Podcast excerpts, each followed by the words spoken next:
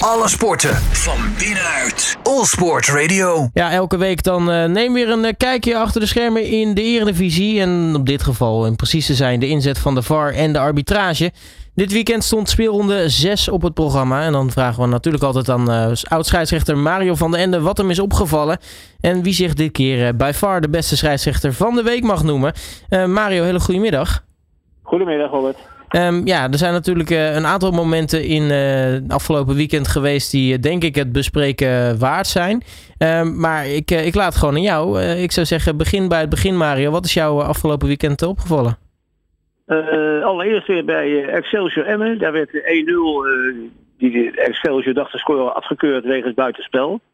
en dan blijkt toch weer eens duidelijk, tenminste, dat, dat je naar het publiek toe ook nog weer veel duidelijker kunt zijn. Want uh, nu zag je een, een, streep getrokken worden waar, ja, met een camerabeeld, wat, weer niet loodrecht op de situatie stond. En dan, dan denk ik wel eens van ja, uh, nogmaals, maak het voor iedereen duidelijk en zorg dat er uniform uh, ja, camera-opstellingsbeleid komt. Dat iedereen vanuit het juiste perspectief dat kan waarnemen. Want dit was ja, gewoon ja, babbelwerk, vond ik het. maar goed, het, het scheelde Excelsior in ieder geval de 1-0 die werd afgekeurd. Uh, diezelfde avond speelde Ajax tegen Herenveen. En daar was een opmerkelijk uh, incident, vond ik. Dat uh, Alvarez die kreeg een gele kaart. Overduidelijk, overtreding. Hij hield een speler vast van Herenveen. En ja, daar kon scheidsrechter Van de Graaf niet onderuit. En hij toonde de gele kaart. Wat wel opmerkelijk was, dat in dezelfde actie, dat dus de scheidsrechter floot, die gele kaart wilde pakken. Alvarez die bal een aantal tientallen meters wegschoot. Ja, en dat zal hij ongetwijfeld niet gedaan hebben omdat hij het met de actie eens was. En dan, uh, dan zie je dus dat uh, eigenlijk daar een gele kaart uh, ook voor getoond kan worden. daar ging op een gegeven moment ja, half Heerenveen kwam over de scheidsrechter. Dan is dit normaal?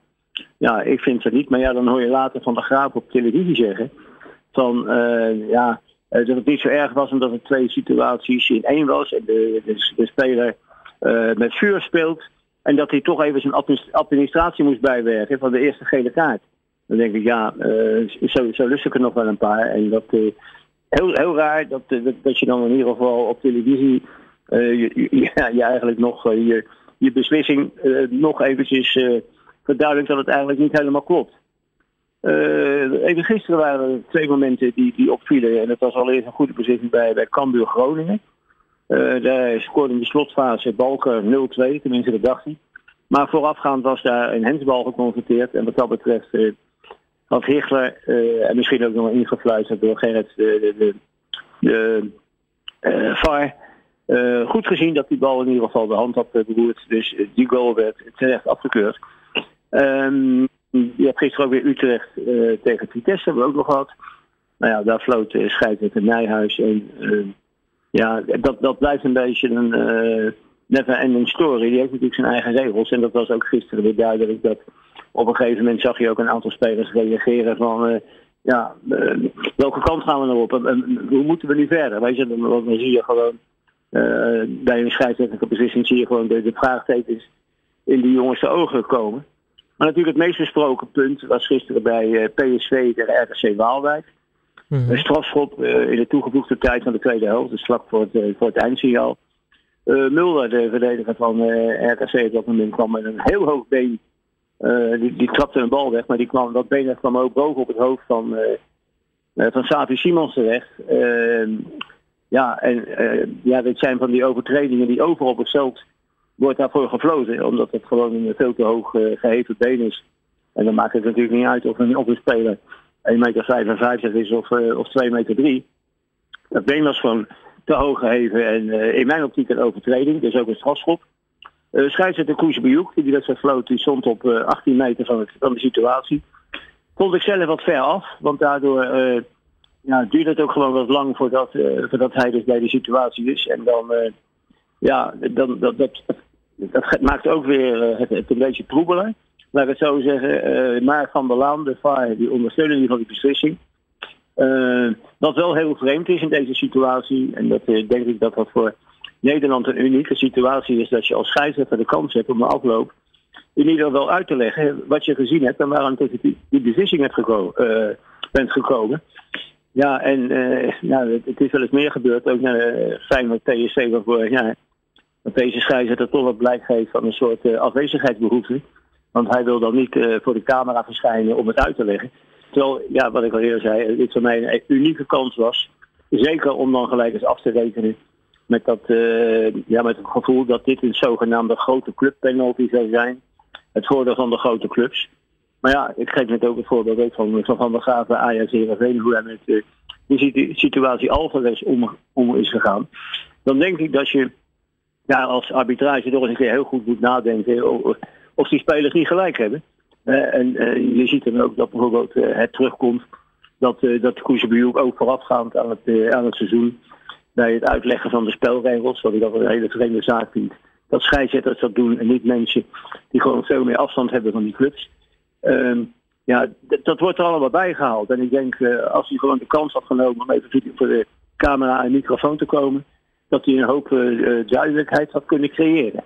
En dat, dat vind ik wel verbazendwekkend in dit geval. Ja, er waren natuurlijk veel reacties na afloop van dat moment. Uh, bijvoorbeeld Michiel Kramer. Uh, nou ja, dat was natuurlijk direct na de wedstrijd. Dus die zou nogal vol met adrenaline en emotie zitten. Maar wat vind jij nou van die uitspraken van, van Kramer dan? Ja, ik heb hem heel veel uitspraken horen doen, maar dat ging over de zogenaamde het voordeel wat die, wat die grote clubs hebben. Ja, ja en natuurlijk dat hij het een goed nou ja, was. Dat gevoel kan ik niet wegnemen. Uh, want datzelfde gevoel, dat leefde bijvoorbeeld ook bij de, bij de Heerenveen doelman. Die is in de rust bij Ajax Heerenveen verhaal komen halen. Kijk, Van de Graaf, de scheidsrechter, zegt wel, ja, ik heb hem even uitleg gegeven. Maar goed, die is ook in de scheidsrechterspreekkamer geweest om in ieder geval toch eventjes uh, ja, uh, wat duidelijkheid te, te, krijgen. Want het is natuurlijk heel gek uh, dat, ja, dat een aantal scheidsrechters dat gevoel bij die scheidsrechters niet weg kunnen nemen. Nou, dan is het tijd weer voor het volgende uiteraard. Wie is de beste scheidsrechter van het seizoen? Dat bekijken we eerst per week. Dit is by far de beste scheidsrechter van de week. Met Mario van den Ende. Want ja, als we dan alle momenten die jij zojuist opnoemt naast elkaar leggen, dan uh, kunnen we misschien al enigszins een lijn uh, zien wie dan eigenlijk uh, bij far de beste scheidsrechter van de week is. Maar toch, Mario, wie is dat geworden voor speel 106? Nou ik heb Excelsior M, zag ik Laurens Gerrit fluiten. het was een niet al te moeilijke wedstrijd en ook nog op kunstgras. En ik heb al het idee dat dat kunstgras uh, toch altijd meewerkt op een, op een tonnen wat sportievere wedstrijd. Omdat daar, uh, ik heb toch het idee dat spelers niet voluit gaan als ze bijvoorbeeld in, in een sliding tackle uh, terechtkomen. Maar goed, die floot een hele stabiele wedstrijd. die door Excelsior in, de laatste minuut met 2-1 werd gewonnen. En die mag deze week het predicaat uh, buitenvaarder scheidsrechter van de week voeren. Hartstikke mooi. Dus uh, Gerrits is uh, scheidsrechter van de week. wie ja, moet er toch even gaan opletten weer voor, voor volgende week? Nou ja, dat, eh, dat zei ik net al over, over, over, over Nijhuis, die, ja, die hopelijk ja, toch eens een keer de, de, de uniforme regels een beetje gaat toegepast.